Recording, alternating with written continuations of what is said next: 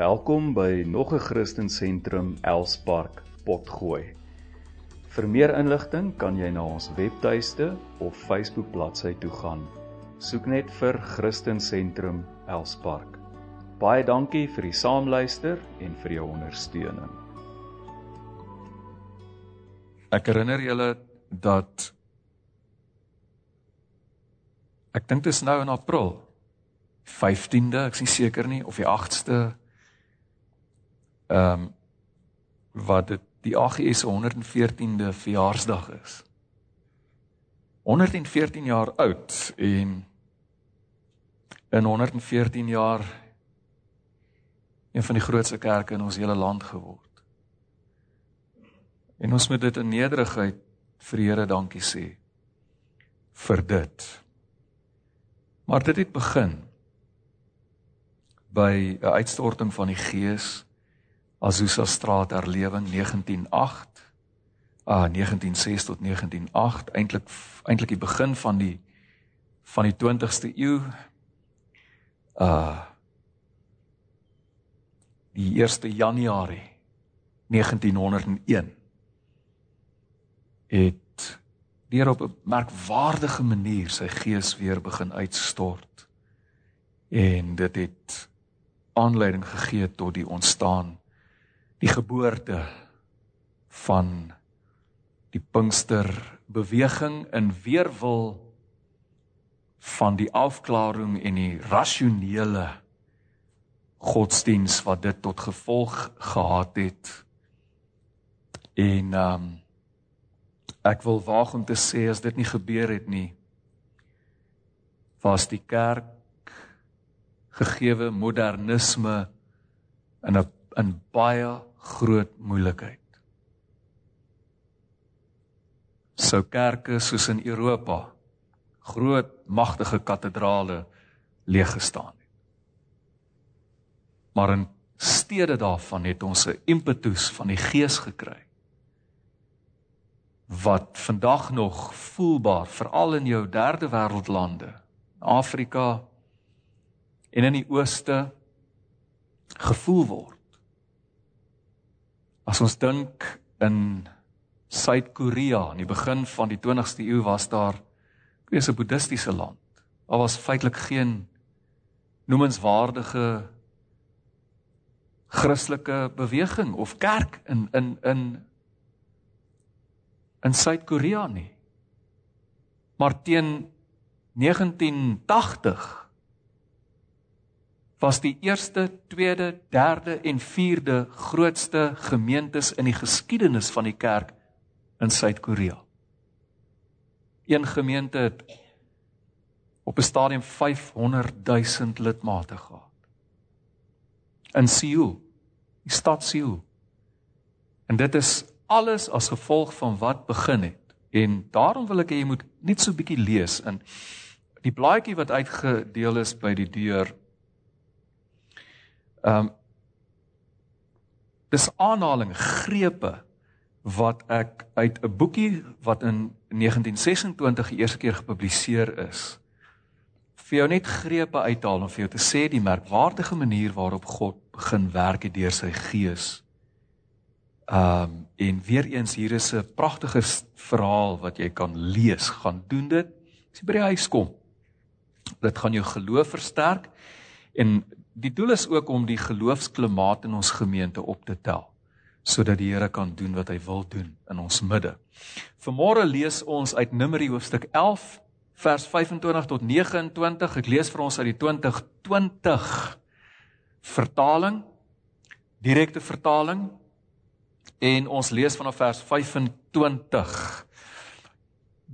Die die hoofgedagte van hierdie boodskap is toegerus maar ek kan dit ook noem Moses se wens of Moses se begeerte. Moses se begeerte, maar dit dit sluit aan by die gedagte van om toegerus te wees en jy sal sien wat ek bedoel daarmee. Vers 25. Die Here het toe in 'n wolk afgekom en met Moses gepraat. Hy het van die Gees, let op, hoofletter Gees, né? Hoofletter Gees Hy het van die gees wat op terloops Moses is die grootste profeet van die Ou Testament. Wat het van Moses 'n profeet gemaak? Hier het ons dit. Van die hoofletter Gees wat op Moses was. Neem kennis daarvan. Wat is die taak van 'n profeet? is dit om die toekoms te voorspel? Baie van ons wil profetiese woorde oor ons lewens sê wat wat ons wil so graag weet wat in ons toekoms gaan gebeur. Pas op vir dit. Pas op vir waarsêery. Pas op vir waarsêery in die kerk. Pas op.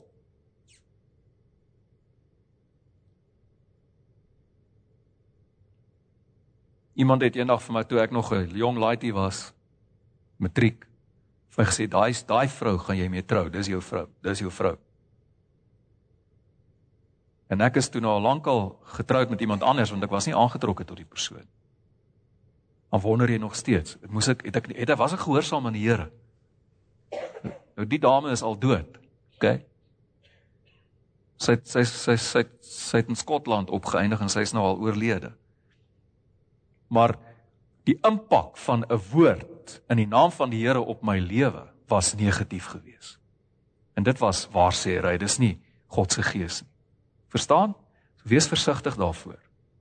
Wees versigtig. 'n Profeet, 'n ware profeet, hoor mooi, maak God bekend in woord en in daad. Dis 'n profeet. En Moses het dit gedoen par excellence. Daarom is hy waarskynlik die grootste profeet saam met Elia van die Ou Testament. Die Here het in 'n wolk afgekom met Moses gepraat en hy het van die hoofletter Gees wat op Moses was weggeneem en op die 70 man die oudstes laat kom. Hoor mooi, terwyl die hooflettergees op hulle rus, het hulle vurig geprofeteer. Nou kan jy sien, die gees die gees van profesie, die Heilige Gees was op Moses. En toe die gees wat op Moses was op die 70 oudstes kom, wat gebeur met hulle?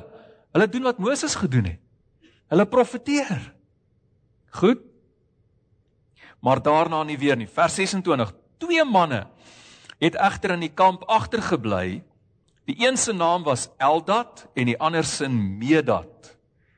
Hulle was onder die wat ingeskryf is. Hulle was een van die 7, twee van die 70 gewees.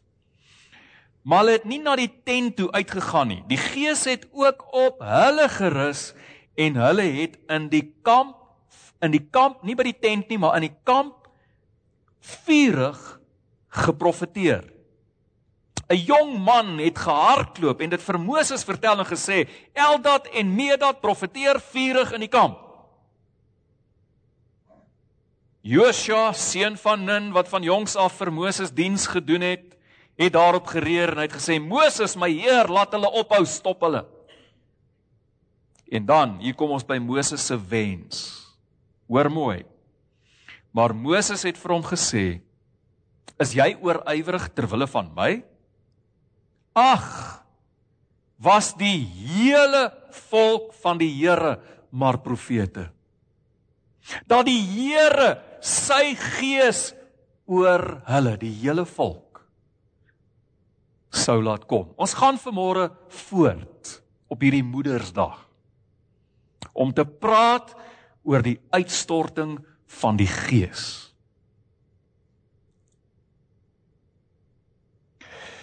Die Bybel gebruik verskillende terme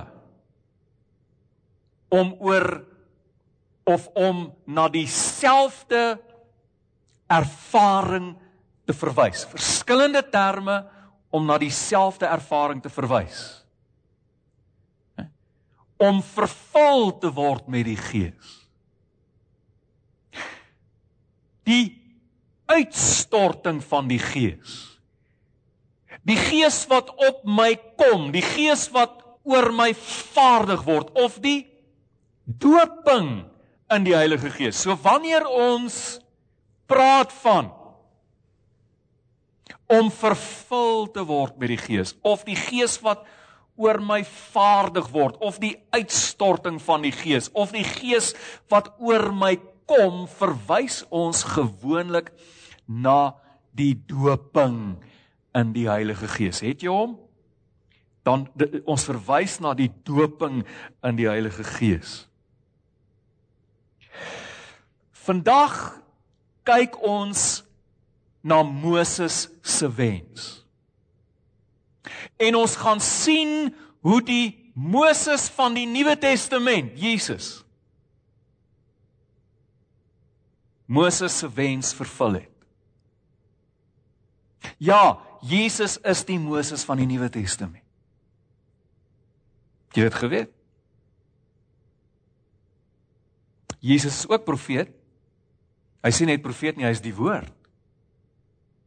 Verstaan? So vandag kyk ons na Moses se wens en hoe die Moses van die Nuwe Testament Jesus dit vervul het.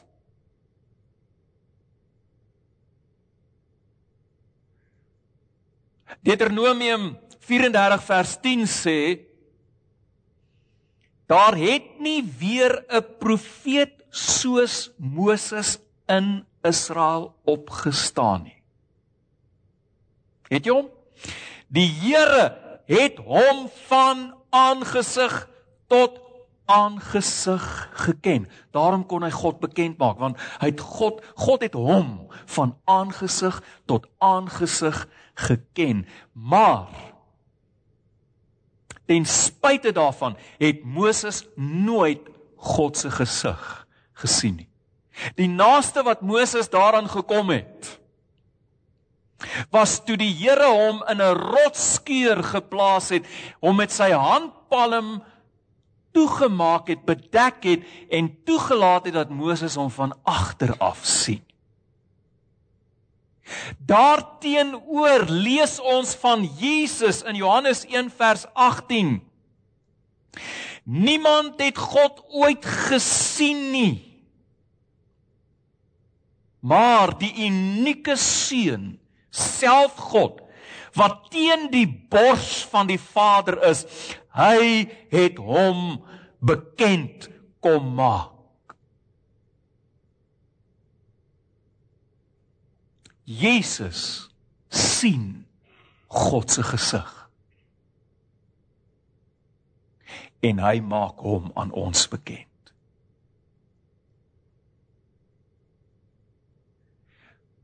Moses kon God hoogstens ten dele as profeet bekend maak, maar Jesus maak God ten volle bekend. En dis een van die groot verskille tussen die Ou Testament en die Nuwe Testament. In die Ou Testament het die Gees van God deur Moses op enkele uitgesoekte mense die 70 gekom. Maar in die Nuwe Testament kom die Gees van God deur Jesus op ons almal. Op ons almal. Op ons almal. Daarom noem die Nuwe Testament Jesus die doper in die Heilige Gees. Dis een van sy benaminge, een van sy titels is hy's die doper in die Heilige Gees. Nou goed. Moses kom en hy kla by die Here.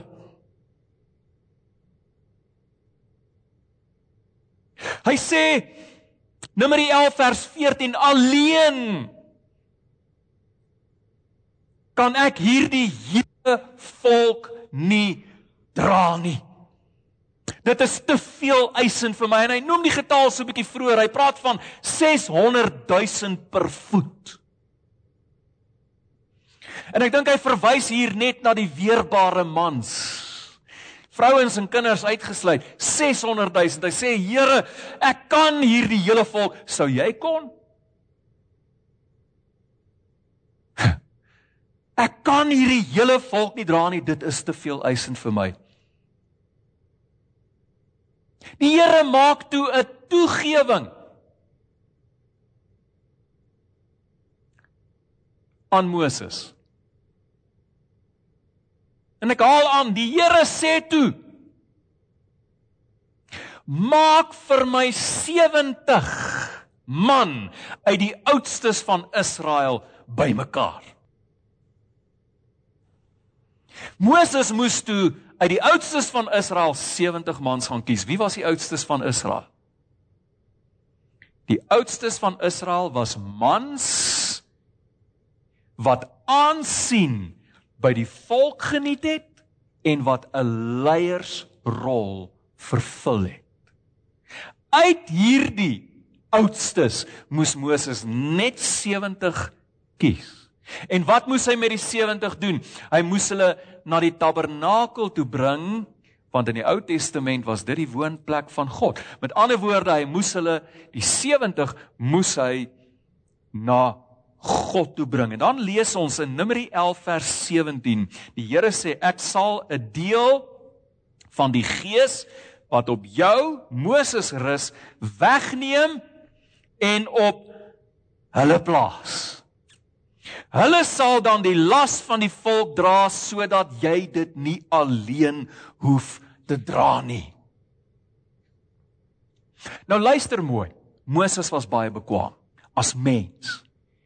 Hy was 'n hoogs bekwame persoon. Ons moet onthou dat Moses in die sorg van die farao groot geword het. Moses was 'n prins van Egipte. Die beste opleiding beskikbaar in Egipte was ook vir Moses beskikbaar. Moses is opgelei in al die wysheid van Egipte, maar nie net dit nie. Moses het ook die beste moontlike militêre opleiding gehad. Jy het dit geweet? Militêre opleiding. Ja. Daar's buite Bybelse bronne onder andere Josefus wat sê dat Moses op 'n stadium 'n Egiptiese leer in 'n oorlog teen e- Ethiopië aangevoer het. Nie dit geweet nie, né? So hier het ons hierdie man, hy's uiters bekwam, hy's opgelei in al die wysheid van Egipte. Hy is die res van Israel ver vooruit want hulle was maar net slawe gewees. En tog, hoor mooi, tog was sy menslike bekwaamheid nie goed genoeg om as 'n leier van God se mense op te tree nie. Hoekom nie? 'n Christelike leier. 'n Leier van God se mense moet God kan openbaar. Verstaan jy? Jy moet God kan openbaar in woord en in daad. So my menslike vermoë al is ek die beste leier in die wêreld is nie goed genoeg om as 'n leier van God se volk op te tree. Daarvoor moes God Moses self toerus deur sy gees deur die Heilige Gees op Moses te plaas. Ons het dit gelees, die gees, die hoofletter gees wat op Moses was. Die Gees wat van hom 'n profeet gemaak het wat God kon bekend maak in woord en in daad aan die volk was op Moses. 70 van die mees bekwame leiers in Israel word gekies. Ek meen dit is dis is van die oudstes van Israel. Hierdie is jou mees bekwame leiers in Israel.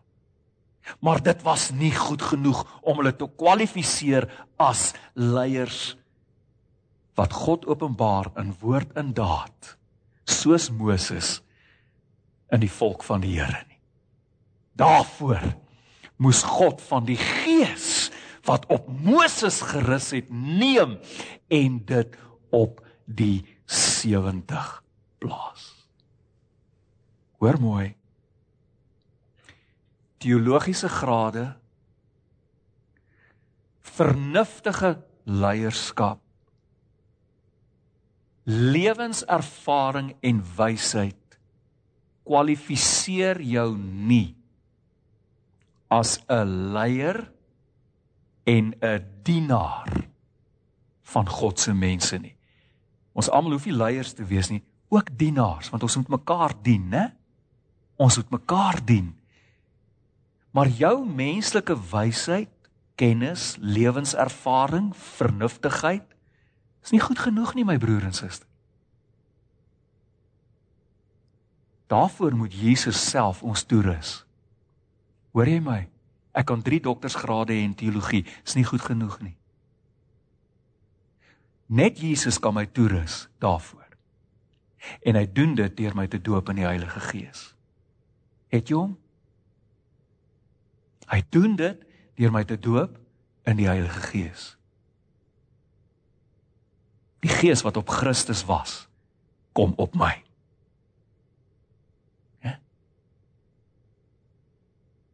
Die gees van Jesus Christus kom op my en rus my toe.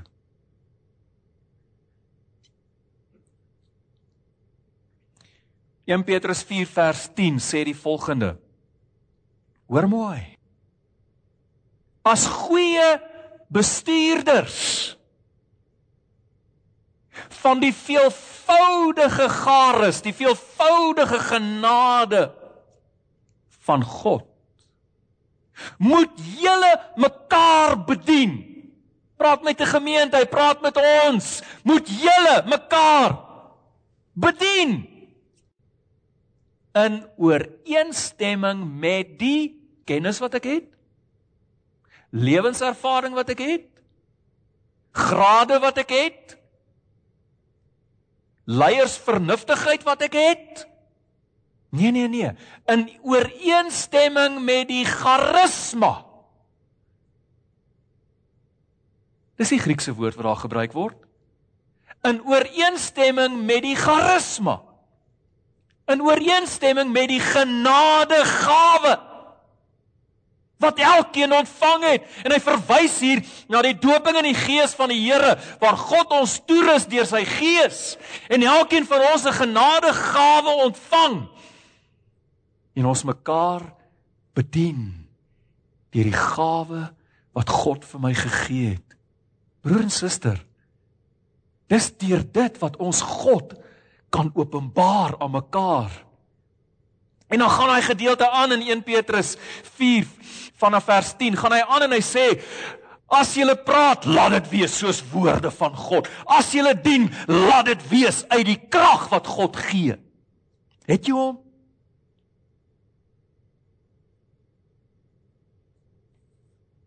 Wil ek jou vra, wat gaan 'n doktersgraad in Grieks my help om dit te doen? Hæ? Huh?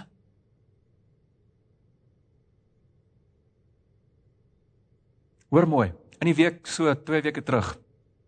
Laat nee, dit was in laasweek. Ek hoop ek mag die storie vertel. Ek hoop. OK. Word ek uitgeroep na 'n huis toe waar daar geestelike aktiwiteite is. En dis nogal baie in ons omgewing, hoor. Ek het dit nooit in die Kaap so ervaar soos hier nie, nooit.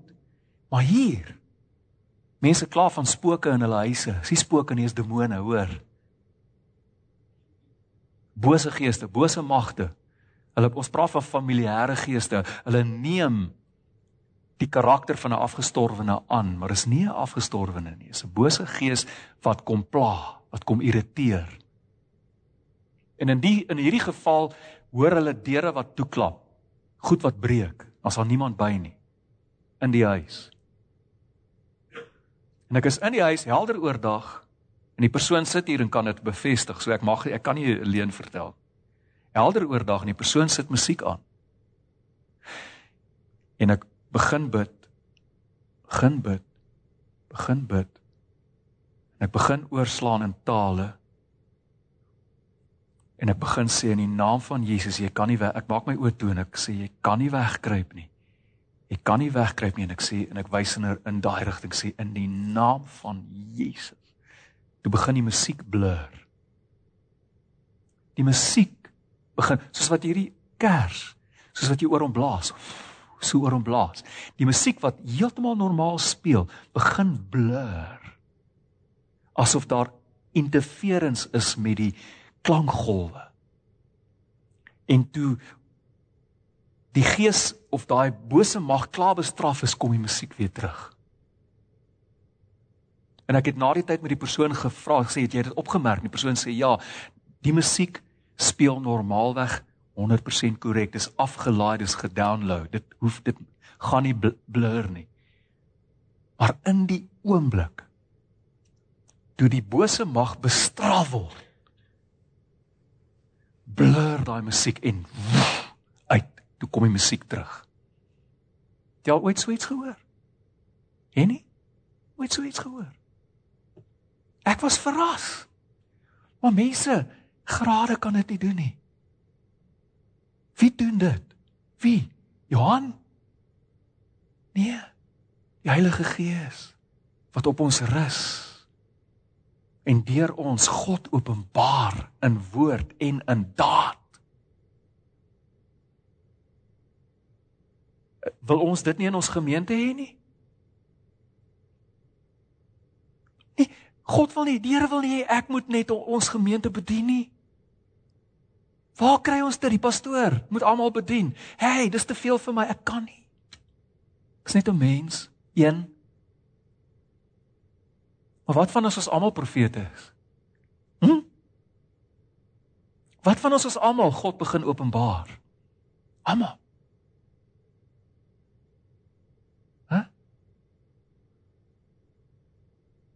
Dis waar die Here ons wil hê. As goeie bestuurders. Oikonomos in die Grieks. As goeie bestuurders van die veelvoudige genade van God. Moet julle mekaar bedien in ooreenstemming met die genadegawe, die charisma wat elkeen ontvang het. Het jy gesien wat gebeur toe die gees, die gees wat op Moses gerus het, kom op die 70? Wat gebeur met hulle? Hulle het vurig geprofeteer. Mense as die gees van Jesus op ons kom, verander ons in profete. Mense wat God bekend maak in woord en in daad. Ons verander in profete. Ons praat in tale. Ons profeteer, ons sien visioene, ons droom drome. Dis charismata, genadegawes. Hoor mooi, ons word weer gebore deur die Gees. En die resultaat daarvan is die vrug van die Gees.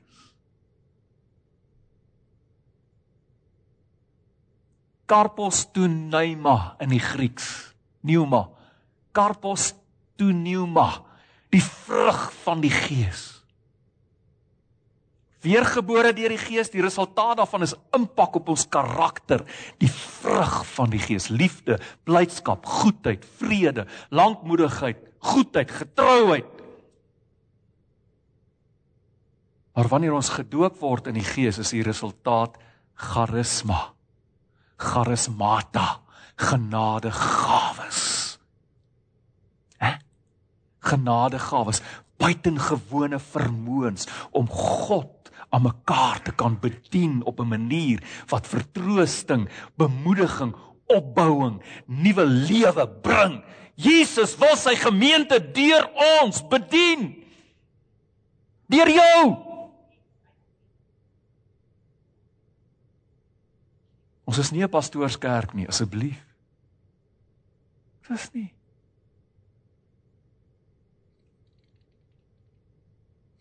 Ek sluit af. Kom ons luister net weer na Moses se wens in vers 29. Hy sê ag was die hele volk van die Here maar profete dat die Here sy gees oor hulle sou laat kom. Wat het gebeur? Moses kies die 70 maar twee van hulle het nie gekom nie. Jy het dit gelees? Twee twee het nie gekom nie, Eldad en Medad. So net 68 is daar. by die tent, by die tabernakel. Eldad en Medad is in die kamp tussen die tussen die mense. En wat gebeur? God se gees kom. God neem van sy gees wat op Moses rus, plaas dit op die 68 wat by die tabernakel is en ons het reeds gelees wat het met hulle gebeur. Hulle het dadelik vurig begin profeteer. Hm? Maar raai wat gebeur nog? Die twee wat in die kamp is wat nie daar is nie, die gees kom op hulle ook. En wat gebeur met hulle? Presies dieselfde. Hulle begin vurig profeteer. En nou kom Josua, die ou demper.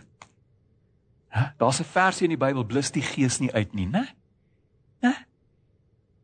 Kom Josua na Moses toe sê Moses, stop hulle. Wat sê Moses vir hom? Uh -uh. Hulle nie stop nie. My begeerte, my wens is dat God se gees op die hele volk sal kom en hulle almal sal profeteer. Daardie wens, daar's 'n lang boog van Moses af wat span oor die eeue tot by Jesus.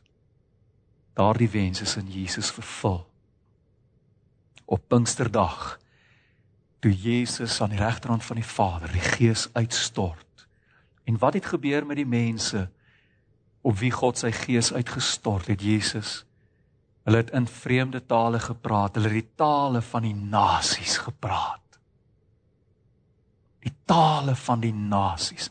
Maak nie saak watter nasie, volk of taal nie, wanneer jy inkom in God se koninkryk, God se Gees kan ook op jou kom, nie net op enkele uitgesoektes nie, maar op alle mense. Is dit nie wat Joël 2 vers 28 sê nie? In die laaste dae sê die Here sal ek my gees op alle alle mense uitstort. En dan lees ons in Handelinge 2 vers 39 want die belofte van die gees die belofte van die gees Joël 2 vers 28 die belofte van die gees is bedoel vir julle en ook vir julle kinders en vir almal. En vir almal daar ver. Almal wat die Here ons God na hom sal roep het hy jou na hom toe geroep dan is die gees vir jou bedoel Die Here wil jou doop in die Gees. Ons gemeente hardloop op 5% van ons kapasiteit. Hoor jy my? 5% en minder. 5% en minder. Kan jy dink as ons op 100% kapasiteit hardloop? Dis waar ons wil uitkom. Mag die Here sy gees oor ons uitstort. Here, dankie vir u woord. Dankie vir u woord. Dankie dat u ons self toerus. Ons kan u nooit openbaar in ons eie krag nie. U is God. Ons het u nodig. Ons het u gees nodig. Bid vir geloof. vir geloof onder ons mense. Geloof, Here. En honger. Honger. 'n Dors. Stort die gees oor ons almal uit. Nie net op 2 of 3 uitgesoektes nie maar op almal. Dis herlewing, o Here. Dis die begin van herlewing. Dis ons gebed. My gebed vir ons vir die gemeente, ons gemeente, u gemeente. Is u mense en u is lief vir elkeen. Ons bid dit in Jesus naam. Amen. Ag, die Here is lief vir julle. OK. God is lief vir ons almal. Lief vir ons almal. En sy genade is groot oor ons almal. OK.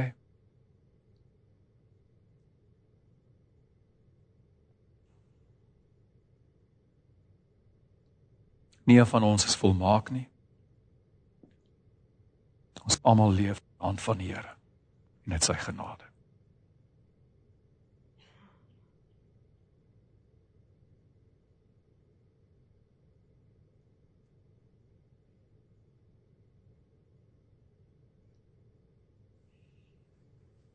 Wat beteken hierdie tafel vir jou?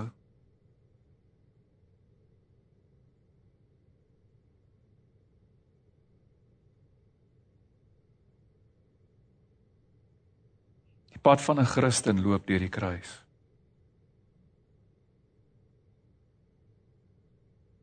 Voor ons by nuwe lewe uitkom, moet ons eers sterf.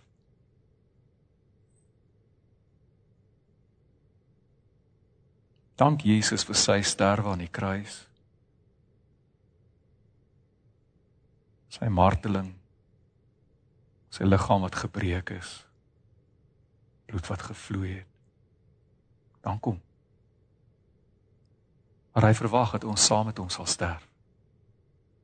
Saam met hom sal sterf. Pad van 'n Christen is nie maklik nie. Nee nee. Hy loop deur die kruis. Jy moet saam met Jesus sterf. voor jy by nuwe lewe kan uitkom. Dis nie 'n goedkoop resep nie. Saam met hom sterf. Die afgelope weke bedien ek Sondag na Sondag uit die Bybel uit, nêrens anders nie. oor die doping in die Heilige Gees en die uitstorting van die Gees. En ek doen dit doelbewus uit die woord want ek wil vir jou wys hoe diep en hoe sterk die fondasie in God se woord is. Dis nie iets wat iemand uit hulle duim gesuig het nie. Doping in die Heilige Gees is geanker gewortel in die woord. As ons dit nie beleef nie, waar's die fout? Met die woord of met ons? En dan moet ons vir die Here vra, Here, as daar fout is met my, wys my. Wys my. Hy's genadig, hy sal jou jy gaan hemel toe. OK. Here het dit klaar gekoop aan die kruis. Maar as my lewe nie dit wat ons in die Bybel lees ooreenkom, parallel loop met dit nie. Dan is daar mos iewers 'n discrepancy, 'n diskrepansie. En ek wil stout genoeg wees om te sê ek dink dit is die woord nie. Ek dink dit dit lê by ons. En is wanneer ons self ondersoek doen wat God ons ontmoet en herlewing bring. Herlewing sonder repentance gebeur nie. So ek sê weer die pad van 'n Christen loop deur die kruis. Ek moet sterf sodat ek nuwe lewe kan ervaar saam met Jesus. In die nag wat die Here verraai is, het hy die brood geneem, dit gebreek en gesê, "Dit is my liggaam wat vir julle gebreek word." Here, hierdie brood wat gebreek is in my hand. Ek bid dat wanneer ons mense dit vandag oor hulle lippe neem, dat hulle sal eet van die liggaam van Jesus en dat hierdie die brood van die lewe vir hulle sal wees. Van hierdie oomblik af is hierdie brood en elke stukkie brood en op elke tafel geheilig as die liggaam van Jesus vir hierdie gemeente. Ons bid dit in Jesus naam. Amen. Net so het hy ook die beker geneem na die ete en gesê: "Dit is die nuwe verbond in my bloed. Doen dit so dikwels as jy daarvan drink tot my gedagtenis." Here, ook hierdie druiwesap bid ons nou u seën af. En elke bietjie druiwesap wat op elke tafel is van hierdie oomblik af dat dit vir ons die bloed van Jesus sal wees wat ons oor ons lippe neem. 'n Heilige eenheid met die seun.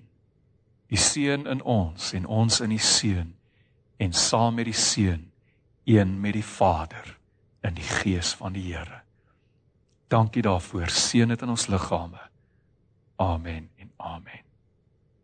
Goed mense, ons gaan nie die diens afsluit nie. Ons sluit die diens af as ons almal klaar deelgeneem het aan die tafel. Daar's verskillende stasies. Ons gaan dit in stilte doen. Jy kan saam met jou gesin beweeg, mekaar bedien met die nagmaal as jy wil. Onthou asseblief, ehm um, as daar haat in jou hart is, ehm um, al dit kan jy nie nou versoen nie, maak asseblief ten minste net vir jouself die ooreenkoms hier in jou hart dat ek gaan versoen voordat jy aansit aan die tafel. Dis baie belangrik. Ontvang die seën van die Here. En nou mag die genade van ons Here Jesus Christus, die liefde van God en die troostvolle gemeenskap van die Heilige Gees met ons almal bly tot Jesus kom. Amen.